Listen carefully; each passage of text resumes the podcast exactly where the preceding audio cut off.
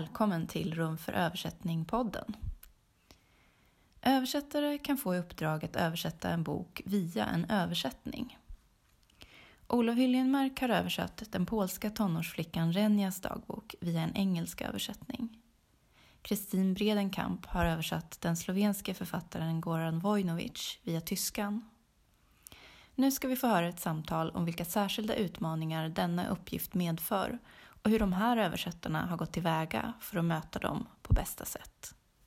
Varsågoda och lyssna. Hej. Okej, välkomna hit. Um, ja, vi ska prata om det som kallas indirekt översättning eller reläöversättning ibland och uh, som innebär att man översätter via en annan översättning. Ehm, och jag kan inte som i det förra, den förra panelen här, vifta fint med två böcker nu eftersom de här befinner sig precis i slutfas med sina översättningar av två böcker som översätts på det här viset och två väldigt olika böcker tror jag också.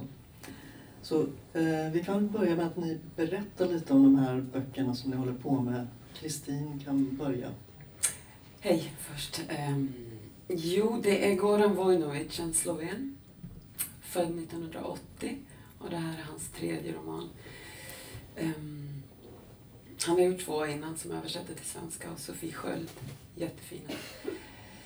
Och de har varit jättesäljframgångar i Slovenien och blivit översatta till flera språk. Den, um, den här är, mm, det är en familjesaga kan man säga.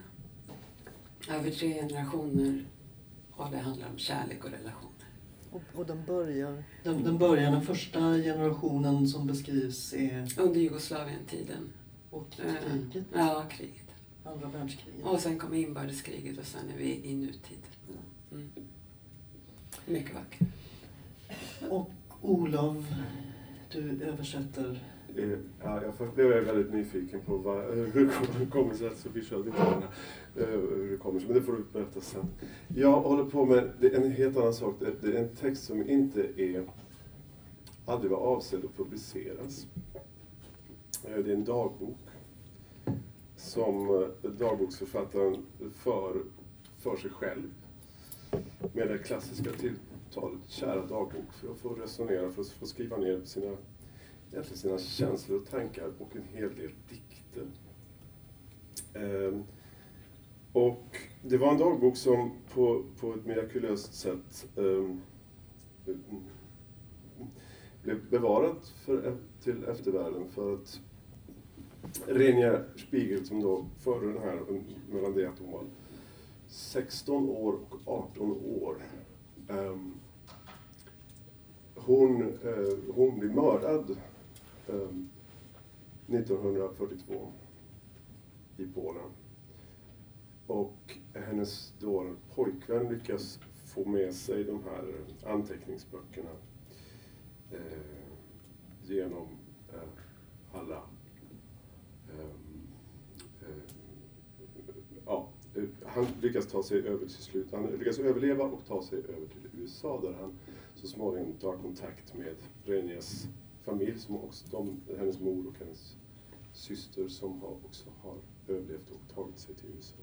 Sedan blev de här liggande i, i ett bankfack häromåret. Och det, är, det, det är ju de bok som är skriven, hon, har, hon skriver på polska. Och nu är då eh, detta utgivet, eller ska ges ut på, i den engelska översättningen och det är då ett amerikanskt förlag som har sålt rättigheterna till den här texten den engelska översättningen. Eh, ja, så det är det. så, så, så ser det ut. Och då kan vi gå in på det här med språken. Eh, du översätter alltså en roman från slovenska och du en från polska. Men ni översätter, ingen av er översätter direkt från de här språken. Eh, du kan börja igen och berätta om språken och kanske lite varför det blev så att det inte översätts direkt från slovenska. Mm, Ja, det behöver jag inte gå in på så noga för det vet jag inte riktigt. Det, Sofie Sköld kunde helt enkelt inte och det kryllar väl inte av översättare från slovenska till svenska.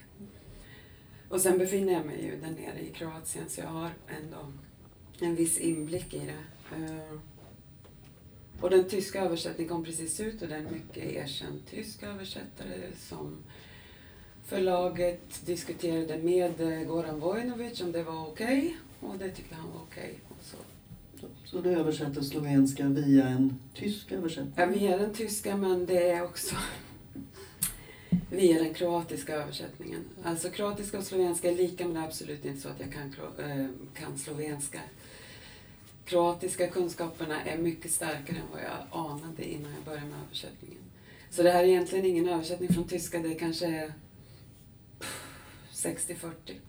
Att jag har gått in så mycket kroatiska översättningen för att sen konstatera att den kroatiska översättningen skiljer sig så från den tyska översättningen. Så jag hörde av mig till Vojnovic. Kan du ge mig originalet? För nu vill jag veta vad du har skrivit på riktigt. Och så gick jag in där och via kroatiskan fattade jag då slovenskan och kan se att så. Mm. Så det, det är en svår förlossning. Ja. Och Olof, hur, vad är det för språk som är inblandade i din Ja, översättning? det är ju engelska. Det är ju engelska. Eh, nu, nu blir det så här, tack och lov, att alla de här verserna, som dikterna som rimmar ofta, eh, Eh, de eh, kommer en annan översättare att göra. Det här får vi ju inte, egentligen inte tala om. För jag hoppas att inga representanter för det amerikanska förlaget är här. De är ju lite legalistiska av sig. Man måste utgå från det här. Ja, översätter man eh, rimmad vers i flera led så blir det ju... Det, det, alltså det, det, det är ingen bra idé från början att översätta från en översättning. Det, det är det ju inte. Um, måste man ju ändå slå fast. Va?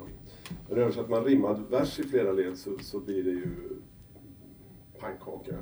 Det, det, det, det, det blir visk, viskleken ehm, eh, um, deluxe. Ja, eh, så, den, men, så där har vi eh, hittat en lösning. En, en kollega som tar dem direkt från polska. Eh, och jag stretar på med att eh, översätta den här dagbokstexten då från, från engelska. Och det är lite svårt eftersom det, det är lite ok, det blir, det är, Den är ju inte avsedd, den är inte riktad mot, mot, mot någon läsare. Den är inte avsedd att och. Det är ett dokument. Den är ju bitvis kryptisk, väldigt alltså privat och, och så. Svårt att ana sig till genom. Och jag vet ju inte hur... ja, ja, kan ju inte fråga dig vad, jag menar, tyvärr. Mm. Ehm, vad, vad är det i själva översättningsarbetet som blir annorlunda när man, när man översätter på det här sättet? Eh, eller, eller är det ganska likt att översätta en vanlig tysk roman eller att översätta en, ett eh, engelskt dokument? Eh, vem vill börja? Alltså jag kan börja. Det, ehm, nej, det är inte lika. Vet jag nu. Alltså idag, om jag hade vetat detta hade jag börjat på ett helt annat sätt. Nämligen? Eh, Jag hade läst, jag hade läst det kroatiska, jag hade gått in i originalet. Jag hade inte haft först bara den tyska texten som utgångstext. Men det är ju nu för att jag har konstaterat att jag kan så mycket kroatiska. Jag visste inte det innan. Så du hade kunnat läsa Jag hade nästan kunnat slovenskan genom kroatiskan? Ja. Det Alltså det började redan, ja det stämmer, alltså det började redan på första sidan. ehm, att jag hajade till på, det är någonting som är skevt i tempus. Och jag knyter an där det vad, vad Ludvig var inne på också. Tänkte, är det tysken? Men jag har aldrig hittills, som, så vitt jag kan minnas, tänkt på tempus tidigare när jag har översatt från tyska, utan det har bara flyttit på, även om man kanske byter. Men här var det skevt. Och så tänkte jag, okej, uh, fortsätter. Och det var sen då jag märkte oh det är svulstigt, det är så prunkande. Så kan den här inte ens 40-åriga författaren, skriver han verkligen så? Och kontaktade en sloven, en 70-åring som bor i Ljubljana och sa kan du bläddra i originalet och kolla om det är, vad det är för språk, vad är det för slovenska? Och han svarade att det här är rak, bra litterär slovenska. Medan jag uppfattar den tyska som, oh, så här pråligt och stora ord och ovanliga ord. Och då går jag in i kroatiskan och ser att det är rakare. Och där vet jag inte hur mycket, alltså där tror jag att um, det största, den största orsaken är att Goran är 39 år och den tyska översättaren är 80 plus, 82 eller något. Han är väldigt, väldigt bra och översättningen är absolut fantastisk men det blir en språknyansskillnad i det. Oavsett om han inte haft det som avsikt eh, så har det blivit det.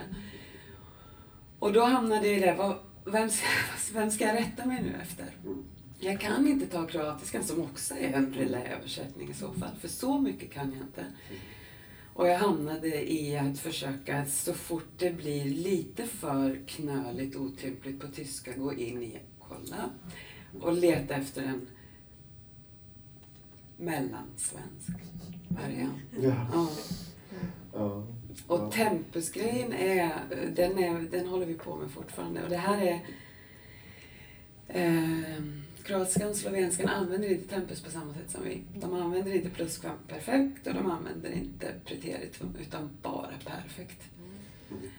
Och här är också en berättelse som precis som Ludvigs ja. går, löper genom flera tidsskikt. Och, ja, och han går in och man, det är mening, det är på ett ställe det är fem sidor utan punkt.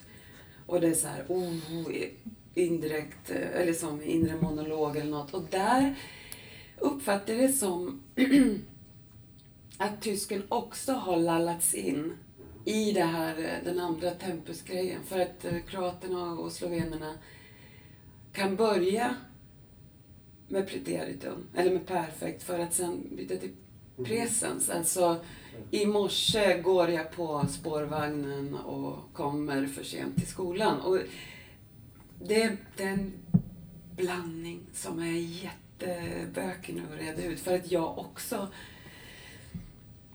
hamnade i den trallen liksom. Mm. När jag följer tyska. För jag fick bestämma mig, nu får jag följa det tyska och så fort det blir knöligt så får jag gå in där. Men det, det skulle ha behövts två precis parallella mm. bredvid. Mm. Ja. Jag önskar att jag kunde polska.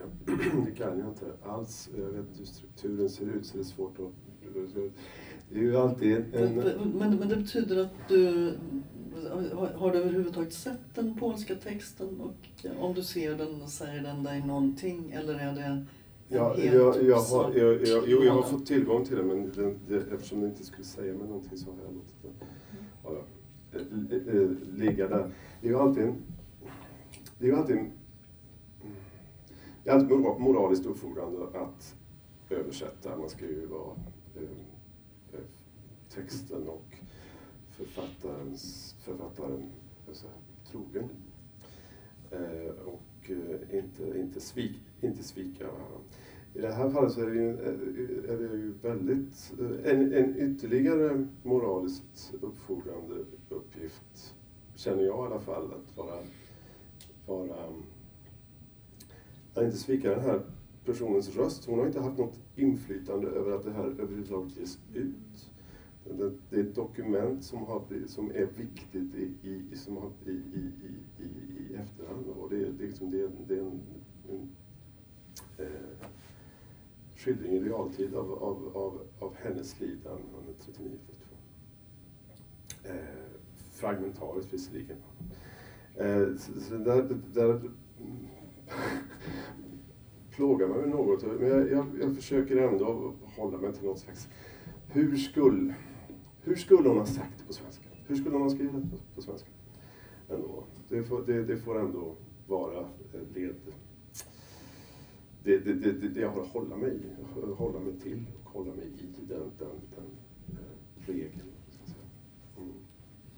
Men jag, jag, jag, är mitt uppe i det. Jag är inte klar än. Så jag, eh, mm, jag, jag, jag hoppas att, att, att det lyckas. Men uh, som sagt, i det, i det här, den här en eh, extra, extra uppgift att, att, vara, vara, att verkligen inte svika, svika författaren.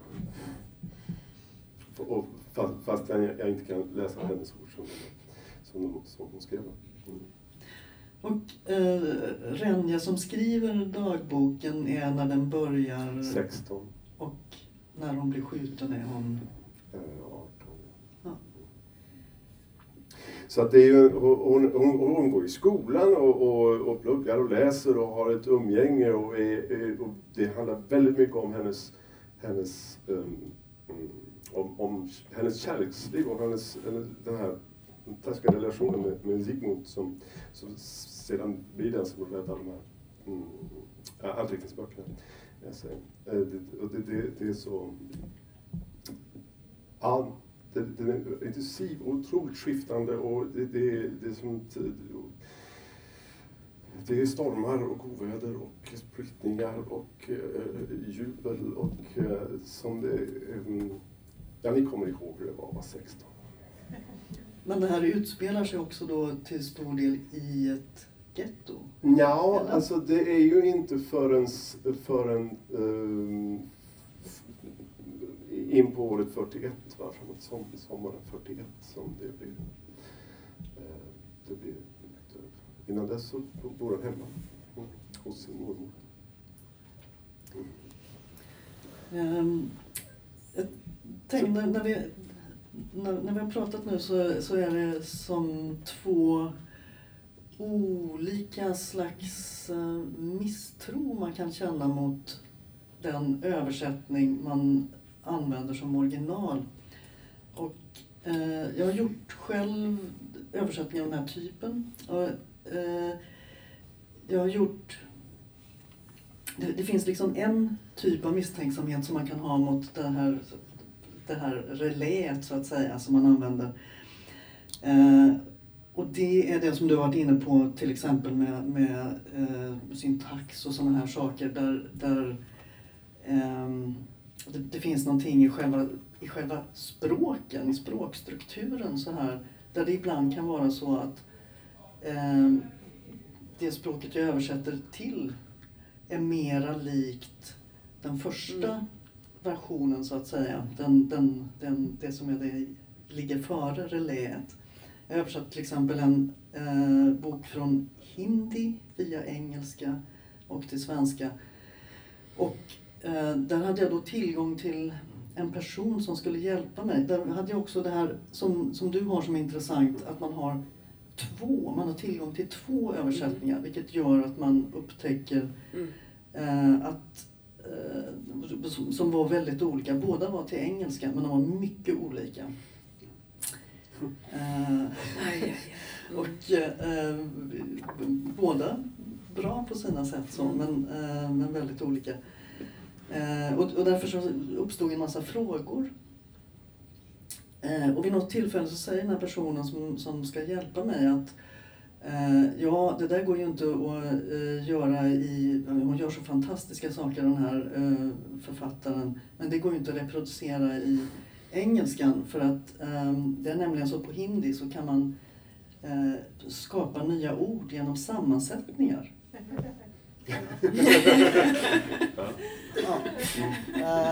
Uh, uh, och ty tyvärr så förstod den här personen aldrig riktigt att, att det var då mm. jätteviktigt. Så för, ja, för hon, hon, såg liksom inte längre än till det här reläet. Um, jag har också varit med om på ett annat ställe där jag översatte spansk, texter som var skrivna på spanska men publicerade på engelska och som jag då översätter från engelska till svenska. Men där var det så, jag, jag kan inte spanska men det är ett språk som ligger tillräckligt nära andra saker jag kan så att jag, skulle, jag kunde titta efter på saker. Och där är det ofta så när man översätter från engelska att eh, det, det är de här konstruktionerna eh, they did this, doing that. Eh, och sen ska man försöka fundera på om det här eh, doing that, om vilken relation det står i till det här andra som de gör. Så här. Och så börjar man leta. Och då visar det sig att spanskan, liksom svenskan, är ett mycket mera ockande språk. Det vill säga att man lägger en sats och Mm. så. Så de gjorde det här och de gjorde det här. Eh, och det var ofta den enkla lösningen. Eh, men, eh, men det är liksom en typ av misstro. Där hade du, eh, eh, eftersom du kunde se då Mm. eh, en del så, så såg du en del sådana strukturella språk som har att göra med, liksom, inte att det är en dålig översättning man använder som original så att säga. Utan att språket helt enkelt är annorlunda. Mm. Ja, jag blev misstänksam att, för att det var så prunkande. Det var så, det var så rikt på något vis. Och det, eh, jag vet inte riktigt hur det låter nu på svenska. Mm. Vad det har blivit för blandning. Jag Är det tänker med generellt temposen där. tradition i, ty- i, ty- i tyska Ja, tyska- översättningar att som förbättra eller för... Eller, Nej, det tror jag inte. Eller jag, det ska jag inte uttala mig om, tror jag. Men det passar i den här typen av bok som Ja. den här eh, Under fikonträdet kommer den heta. Figa. Det passar för det är en sån det är som anekdotiskt sagoberättande och det är mycket känslor. Det är hat och kärlek och drama och det är svordomar som också har ställt till det såklart. Det var också ett sånt tillfälle när jag tänkte, mm, nu tror jag att tysken inte riktigt, för jag tror, då är det en scen när eh, Jadran föreställer sig sin bosniska pappa Safed på fotbollsmatchen, hur han ska stå och gorma tillsammans med de andra bosniska fäderna och skrika åt domaren och då är det, då, har, då står det på tyska att då säger vi att domaren ska dra dit pepparn växer. Och då tänkte jag att det, det tror jag inte den bosniska pappan sa. Så gick jag, och då hamnar han ju bland mödrars sköten och sådär såklart. Ja, mm. Så då, det står inte dit pepparn växer på, på svenska. Men, eh, för det är ju också deras svordomar, när det kommer såna här haranger, det är ju poesi nästan. Även om det är grov Vad poesi. blir det då på svenska? Ja, en del ställen är bara våra vanliga, när det är korta utrop så, men på andra ställen har vi behållit eh, original och skrivit till. Vad blir det då? Ja. ja, det blir inte så grovt som det är på, på slovenska och kroatiska. Inte riktigt. Här och där finns...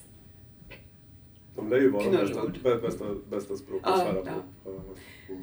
Men jag menar, det uppfattas ju inte så grovt som det uppfattas i våra öron när de, nej, när de säger det. Mm. På ett, på, ett- men förutom att alltså alla, alla, alla sådana här, eh, det, man, om man pratar om begreppet översättning så, går, det går, så är ju varje enskild, varje enskilt fall sitt eget. Ehm, eh, det, går inte riktigt att generalisera, mer, mer än det så sa att, att man bör helst inte ägna sig åt. Men, eh, men på ett sätt så är det ju som, som vilken annan översättning eh, som helst. Eh, vilket i mitt fall betyder att eh, ja, det vill jag gärna göra. Det här, den, måste, den här måste, boken måste ut på svenska. Eh, och sen sätter jag igång och så tänker jag, här är ju fan omöjligt. Mm. Det här kommer aldrig att gå. Och så gör man den, försöker man och försöker och försöker. Och till slut, någon, något, något år senare, man plockar upp den tryckta boken så säger det gick tydligen. Mm. Med god hjälp vet- går det. Med god men hjälp. eh, vad, vad, vad, vad, som, vad som sker där under, under, under arbetets gång vet jag faktiskt inte riktigt. Kan, jag, kan inte, jag kan inte beskriva, beskriva det. Det, det. Det är som att det, det är på en... Det är så många eh, processer samtidigt. Mm. Eh, Det, finns eh, en annan sorts... Alltså jag, jag tänker att översättning handlar alltid väldigt mycket om att en bra översättare är misstänksam Eh, och mot sina egna lösningar och mot eh, första intrycket av vad saker betyder och eh, så. Men här finns ju då de här misstänksamheterna som man kan ha som handlar dels om, om själva språken men det kan också finnas en, en misstänksamhet som man kan ha som, som handlar om eh, som, som handlar om varför en viss bok har översatts i det här första ledet. För att det påverkar nästan alltid eh, lite grann hur, vem, vem som får översätta och hur den översätts och så vidare.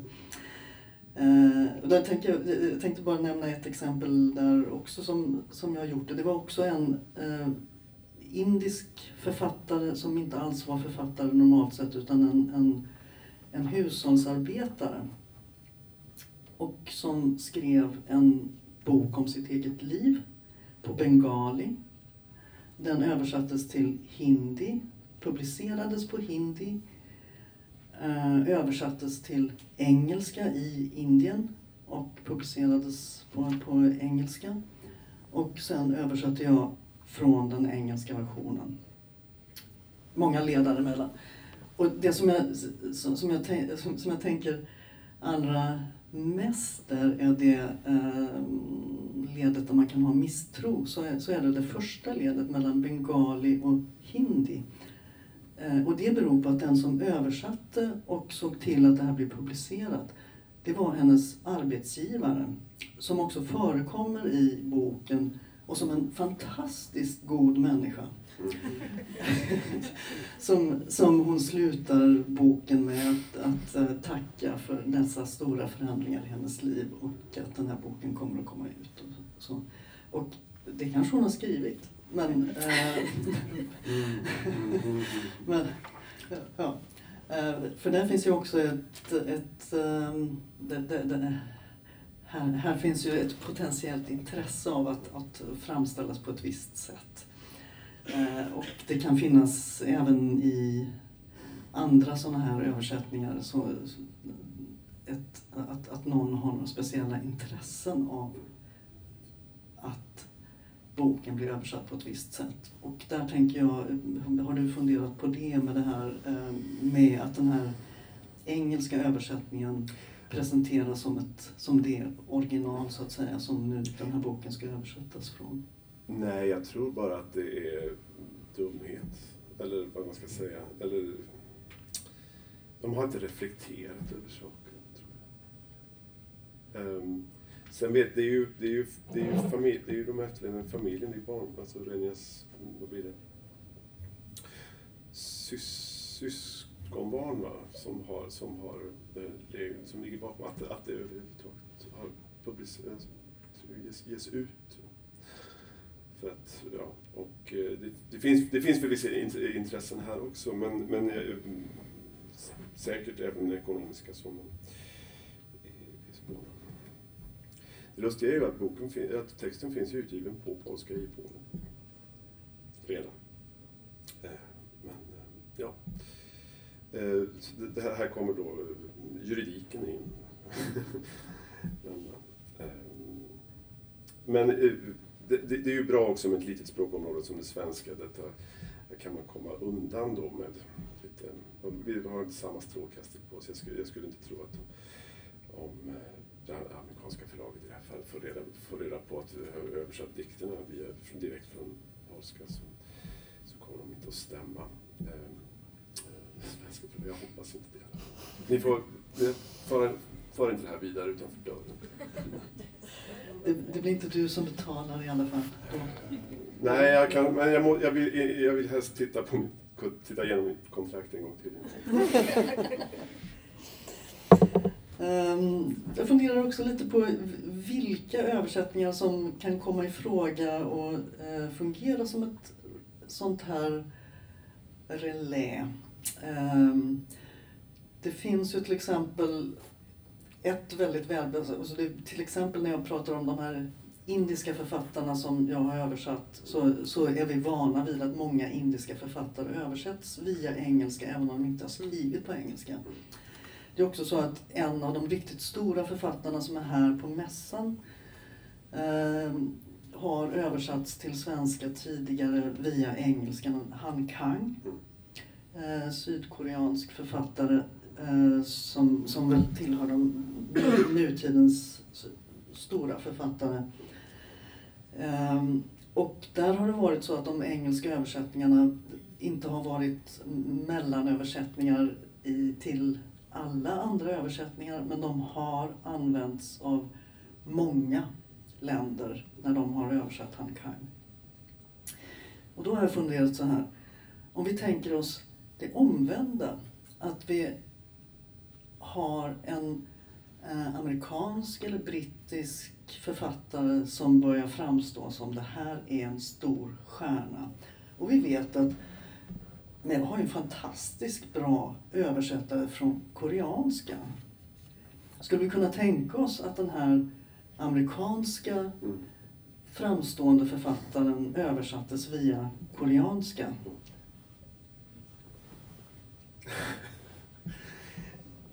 Nej, det är svårt att tänka sig. Och, och, och Ja, i, alltså, var, i, i, varför är det egentligen? ja, i, i, i princip så är det ju inga konstigheter. Som, som, det, som maktbalansen ser ut så. Fast det är väl också kanske att man eh, har väldigt dålig koll mest över vad koreanska gör med språket. Och vad, hur det då skulle omvandlas sen till. Men om det skulle vara en svensk liten bok som först översattes till engelska, eller till något annat större, till franska, tyska och sen, sen via tyskan till engelska, det skulle man nog tycka var okej. För att få ut den svenska boken. Mm, men det, så, sånt händer ju också mycket. mm. Ehm, Men det som, det som jag tänker här så, så är det att så är det som en fråga, är det så att språk har lite olika status här? Om det är så att, och, och be- och beror det på praktiska förhållanden? Nämligen att det är lätt att hitta en, någon som kan översätta rätt bra från engelska. Ja, det spelar nog roll, men status vet jag inte. Det är nog mera kunskap i så fall. Man Mm. inte, ja, jag vet inte. Det är ju rätt hög status att kunna något udda språk, Ja. tänker jag. Mm. Att, men, men, men jag tänker språken att, att alltså, vi- vilka översättningar som kan komma i fråga som, som eh, relä så att säga. Mm. Och i vilka ja. sammanhang. Mm. Ofta är det naturligtvis en praktisk eh, fråga. Eh, att man, jag gissar att, att Han Kang har översatts från via engelskan därför att det har varit svårt att hitta någon som inte bara kan koreanska utan Mm. också är en bra översättare. Mm, mm. Ehm, men ja, Men det blir ju lite så. Alltså den här boken tycker jag, den, alltså, är ju helt, den är fantastisk. Mm. Så att det vore ju en skam om den inte kom ut på svenska just Ja. eftersom det finns redan två av honom och har man inte... Alltså den måste Ja, ut. precis. så, Och finns det bara en som översätter från slovenska och den är upptagen så är det ju... Mm. ja, precis, då står, står man där. så, Ehm, Det, är ju, det, det, är ju, det täcker ju inte in ens alla europeiska språk Mm. vi- i, i, i Sverige. Ehm, eh, Det finns, har jag hört, väldigt mycket vall, ny prosa på ukrainska. Men vem ska Mm. översätta det? Va? Jag pratade med Nils Håkansson. Ja, men jag kan inte ukrainska, Mm. säger han. Då var jag tvungen att gå via ryska. Mm. Ja. Ehm, så att... Um, inte, vi får äska pengar från staten och översätta ett antal, eller utbilda ett antal Mm. översättare så att, de, som, som, som kanske, som, så att vi har dem, så att de finns beredskap. Eh, och jag tänker, det finns ju också ett annat sätt att, eh, att översätta på ett sätt via ett annat språk och det är helt enkelt att det är två personer som samarbetar. Eh, och det är till exempel så att nästa roman, eller den roman som har kommit ut nu tror jag, av Han Kang på svenska, är översatt av eh, ett par. Eh, där, eh, där de väl båda har lite koreanska men, men den ena har det som modersmål och den andra har eh, ja, haft svenska då, som mm. modersmål. Och eh, att de arbetar där vi, via ett samtal eller samarbete via engelskan. Och eh, det tänker jag, det, det är egentligen en, en kanske för lite utnyttjad möjlighet att, att eh, göra den typen av gemensamma översättningar. För det är precis som eh, som ni båda säger här, att det, det, det finns böcker som, och texter som är väl värda, att, som, som känns på olika sätt angelägna, viktiga, eh, intressanta. Eh, och där det, det här är ett sätt att berika också vi- vilka språk vi kan, vi kan ta oss ifrån. Att vi gör det via kanske ett mellanled. Men att eh, det är ändå så att det ger ingångar på något vis. Det kräver liksom fler eh, säkerhetsinstanser bara. Att man kan, så att man kan bli uppfångad och få, få, få det korrläst ordentligt och kanske någon som kan ta en titt på original och ändå om den som har lite kunskaper i svenska eller kan hjälpa till med att prata om hur det är skrivet så som jag fick hjälp av Igor i Ljubljana.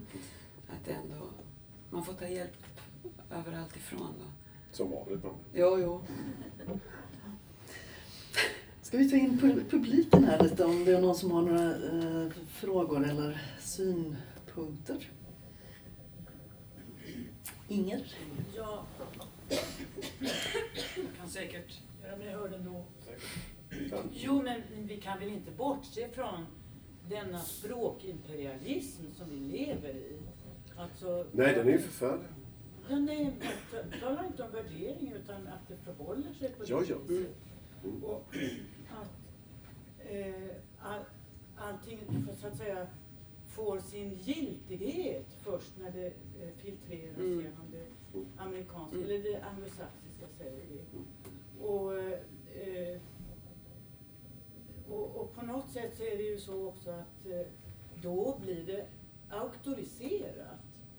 Och det är inte all, lyckat alla gånger. Det kan vara oerhört utslätade Mm. versioner vi får. Så jag tycker att mångfalden och protesten, alltså Mm. I, i, I mitt fall så, är- jag, så är det, eller i den här bokens fall med Renas dagbok, det är ju mer en tillfällighet. Var, var, var skulle de ta vägen? Ja, ja. Och det var i, så, så att det, det, är en- det är en tillfällighet. Det hade ju varit, jag hade ju, det hade varit, ja. Ja. Jag kan tillägga att det blir ju... Ehm, det har tagit väldigt mycket längre tid, men det blir ju ännu mer noggrant. Alltså i, i och med att jag korsöversätter, eller slår upp i nu tre språk, så hittar jag ju missade passager i kroatiskan, missade rader i, i tyskan och sen så får jag pussla ihop, aha, titta den, ah, men tyskan är inte med det, men det står på kroatiska.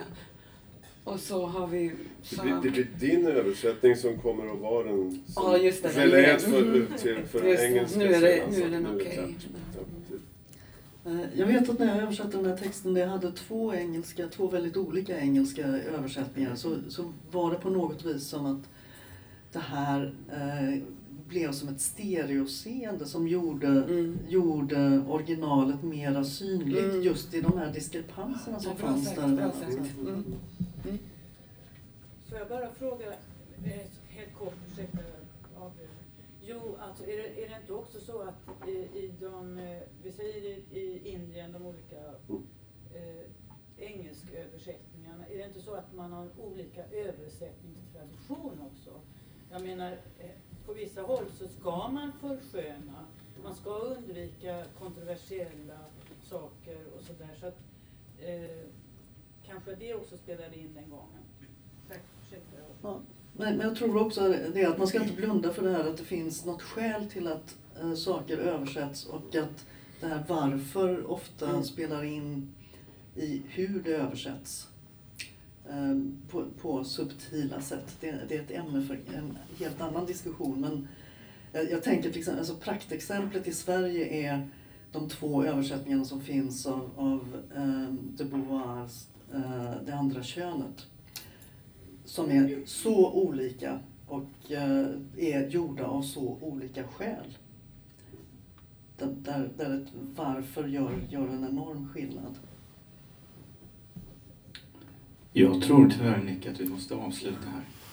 Då slutar jag är ledsen. Då får tacka er så hemskt mycket för att ni tack.